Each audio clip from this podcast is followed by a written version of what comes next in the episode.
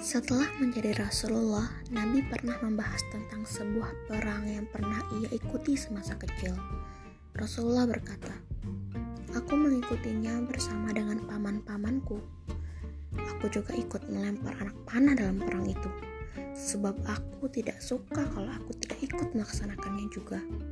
Perang ini bernama Perang Fijar. Terjadi selama empat tahun berturut-turut.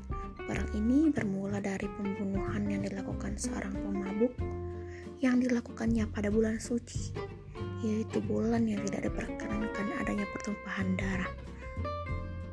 Saat itu Rasulullah berumur 15 tahun. Beliau mulanya membantu dengan mengumpulkan anak-anak panah lawan untuk digunakan kembali melawan musuh-musuh saat itu. Hingga tahun-tahun selanjutnya, beliau turut menembakkan anak panah, bukan hanya sekedar mengumpulkan anak panah lagi. Selain mengikuti perang, ada satu peristiwa lagi yang perlu diingat dari masa remaja Rasulullah, yaitu saat beliau menghadiri dan menyaksikan perjanjian yang kemudian disebut dengan Hilful Fudul. Perjanjian ini terbentuk dari protes pedagang di mana ada seorang saudagar Makkah tidak mau membayar hutangnya. Padahal ia adalah saudagar dan ia tidak mau membayar hutangnya. Dari sini perjanjian untuk melindungi orang lemah terbentuk.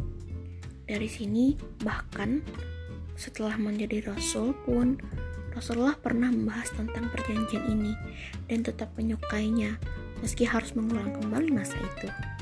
Terlihat jelas bukan bagaimana Rasulullah sejak mudanya sudah memiliki jiwa baik yang selalu ingin melindungi orang-orang yang lemah dan selalu ingin berpartisipasi pada hal-hal yang baik pula.